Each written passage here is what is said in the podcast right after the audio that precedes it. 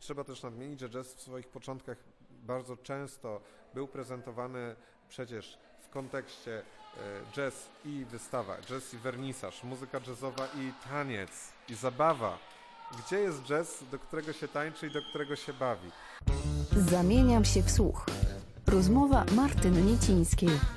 Zaprasza kulturałpodstaw.pl Maciej Fortuna, trębak, popularyzator jazzu, z wykształcenia prawnik, także poza tym, że jest z wykształcenia muzykiem, a od niedawna także e, ojciec Wilhelma, który jest zresztą dzisiaj z nami. Dzień dobry, witam Was obu. Dzień dobry, witamy. Macha do Państwa, Wilhelm do Państwa macha. To, to może zaczniemy od tej ciekawostki. Skąd takie połączenie studiów prawniczych i studiów na Akademii Muzycznej? Jest jeszcze z nami żyrafa. Żyrawka. E, myślę, że prawo, muzyka w pewnym sensie może być doskonałym połączeniem dla tego, czym później zacząłem się zajmować. Przede wszystkim bardzo dużo w ostatnich latach komponuję, piszę muzyki, aranżuję i to też się bardzo przydaje, bo jest potrzebny pewien rodzaj organizacji materiału dźwiękowego, organizacji myśli, pracy, poukładania konsekwencji. To też w miksach, masteringach studyjnych bardzo mi się przydawało. Taka też konsekwencja i myślę, że Oczywiście do tego można dojść w wiele różnych sposobów, nie trzeba akurat kończyć takiego zestawu studiów, ale dla mnie to bardzo podziałało i, i, bardzo się to wspiera. Miałem taki okres, kiedy myślałem, że studia prawnicze były czasem wręcz straconym, a teraz zauważam, że ze względu, może no, patrzyłem na to zbyt dosłownie, bez dystansu. Oczywiście sama materia tego, co, co tam było wykładane, bez dokładnej, wygłębnej analizy specjalizacji, aplikacji, praktyki nie daje takich podstaw, by tego używać na co dzień.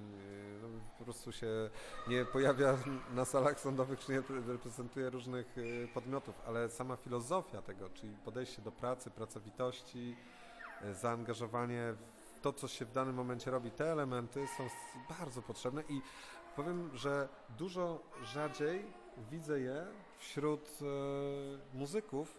Może to będzie troszeczkę zaskakujące czy szokujące, ale tak jest. Dużo rzadziej widzę i konsekwencje w działaniu, i pracowitość, i niezłomność, i, i poświęcenie wśród muzyków niż wśród e, prawników. Chociaż pobudki, dla których prawnicy wykonują swój zawód. I tutaj nie chciałbym e, zmartwiać prawników, ale dosłownie spotkałem na swojej drodze jednego, cóż, może miałem pecha, spotkałem jednego prawnika, który oświadczył, że E, jest e, zafascynowany materią prawa, a pozostali deklarowali wprost, że robią to dla pieniędzy. A ty byłeś zafascynowany materią prawa?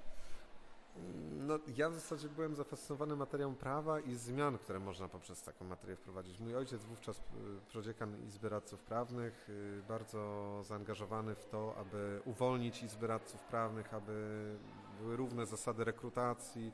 Bardzo mnie to motywowało i dawało bardzo wiele takich podstaw, y, które wiązały się z moimi ideałami, że można zmieniać rzeczy, można zmieniać na lepsze i doprowadzać do tego, by coś, co no, generalnie już dawno się stało reliktem przeszłości, mogło nim realnie, realnie zostać. Więc dla mnie y, oczywiście było to w pewnym, w pewnym sensie misją, a z drugiej strony wielkim wyzwaniem i jako takie to traktowałem.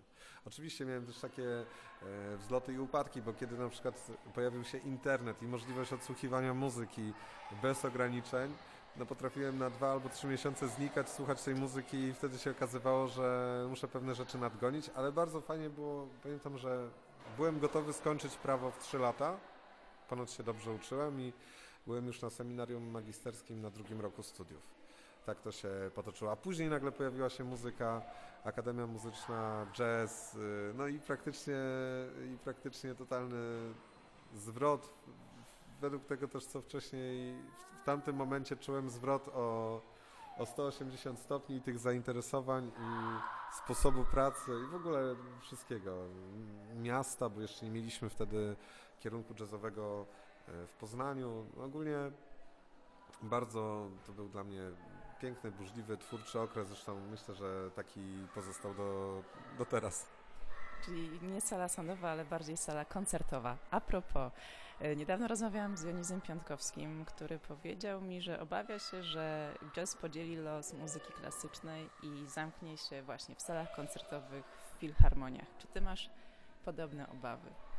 Czy ja uważam, że y, użycie przez Dionizego słów obawiam się y, jest troszeczkę nie na miejscu, ponieważ sam promuję festiwal, który właśnie foruje muzykę jazzową w salach koncertowych i robi to zresztą świetnie. Ma gigantyczne publiczności, zaprasza fantastyczne gwiazdy, wykonuje rewelacyjną pracę na rzecz popularyzacji jazzu, jest niezwykle cenionym, uznanym autorem. Ja go też ogromnie za to szanuję.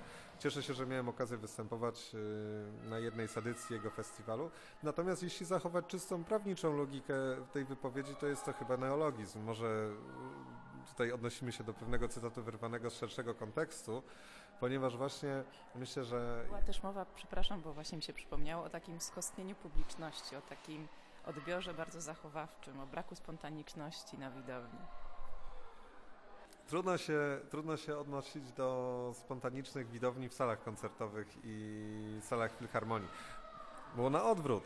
Jazz wyszedł z klubów yy, w portach, prawda, z y, łączenia, multidyscyplinarnego łączenia muzyki z różnymi innymi formami rozrywki, poczynając od tego, że jazz wyszedł z domów publicznych, nazwijmy to po imieniu, a dopiero później był z trudem wprowadzany do filharmonii. I co? Teraz mówimy, że jesteśmy pełni obaw, że jazz y, już nie wyjdzie spoza tegoż wspaniałego pantałyku, jakim są y, filharmonie. Oczywiście wydaje mi się, że dobrym kierunkiem, dobrym hasłem byłoby, byłoby mm, takie, niech jazz wraca do korzeni. Niekoniecznie tych korzeni, które przytoczyłem. Korzeni łączenia prezentacji muzycznych z innymi wydarzeniami, tej multidyscyplinarności, bo trzeba też nadmienić, że jazz w swoich początkach bardzo często był prezentowany przecież w kontekście e, jazz i wystawa, jazz i wernisaż, muzyka jazzowa i taniec, i zabawa. Gdzie jest jazz, do którego się tańczy i do którego się bawi? A jest na przykład festiwal swingowy. Nie wiem, czy wszyscy wiedzą o tym, ale odbywał się przynajmniej w zeszłym roku na początku sierpnia. Wiem, że jakieś wydarzenia były w różnych miejscach miasta, na pewno w domu tramwerze. Jazz i taniec. Jazz i poezja to są inne, późniejsze formy. Jazz, yy, właśnie wernisaże, ale jazz i malarstwo na żywo. I Trochę to, co się działo w czasie Nocy Muzeów kilka dni temu. no tak, oczywiście, ale to jest właśnie powrót do korzeni. Ogólnie chodzi o główną, główna idea była taka, żeby łączyć jazz z różnymi innymi gatunkami interdyscyplinarnymi. To jest bardzo ważne. Zadając Ci to pytanie, myślałam, że szybko odbijesz do poznańskiej piętnastki reaktywowanej po 60 latach przez Ciebie i przez poznańskie środowisko jazzowe, bo Wy właśnie to, co robicie, to wyciągacie e, muzyków e, z różnych dziedzin, z różnych miejscowości i wprowadzacie tę muzykę na sale gimnastyczne, na rynki, na place, gdzieś w plener e, i w zasadzie pokazujecie, że ta muzyka broni się w różnych okolicznościach i że nawet na jazzowo można zagrać moniuszkę. Sale widowiskowo-sportowe o wysokiej jakości akustycznej. tak, tak, tak, ale był taki koncert, pamiętam właśnie. Yy, graliśmy w piłkę wszyscy wtedy i później musieliśmy naprawiać stroje, ale było świetnie. Nikt nie wpadł na to, że mamy stroje na sobie. Yy, to są takie właśnie uroki bycia jazzmenem.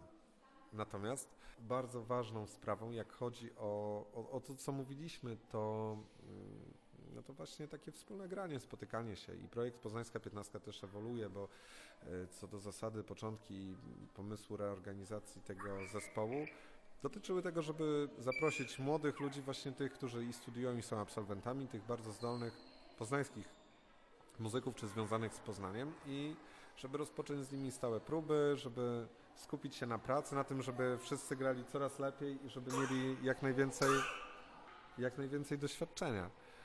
E, W tej chwili poznańska piętnastka się bardzo profesjonalizuje, to znaczy dalej bazuje na młodych muzykach, natomiast e, ma konkretne programy, cztery programy w tym roku. Jednym z nich właśnie był program Moniuszkowski wykonany w ramach mm, pięcioletniego projektu mm, na lata 2019-2023 Poznańskiej Piętnastki. I to właśnie dzięki wsparciu e, samorządu marszałkowskiego województwa wielkopolskiego udało się zrealizować koncert we Włoszakowicach, czyli w ogóle w mojej gminie, pochodzę z Krzycka Wielkiego, z gmina Włoszakowice, w Wielkopolsce, na obrzeżach województwa, ale jednak jeszcze w Wielkopolsce.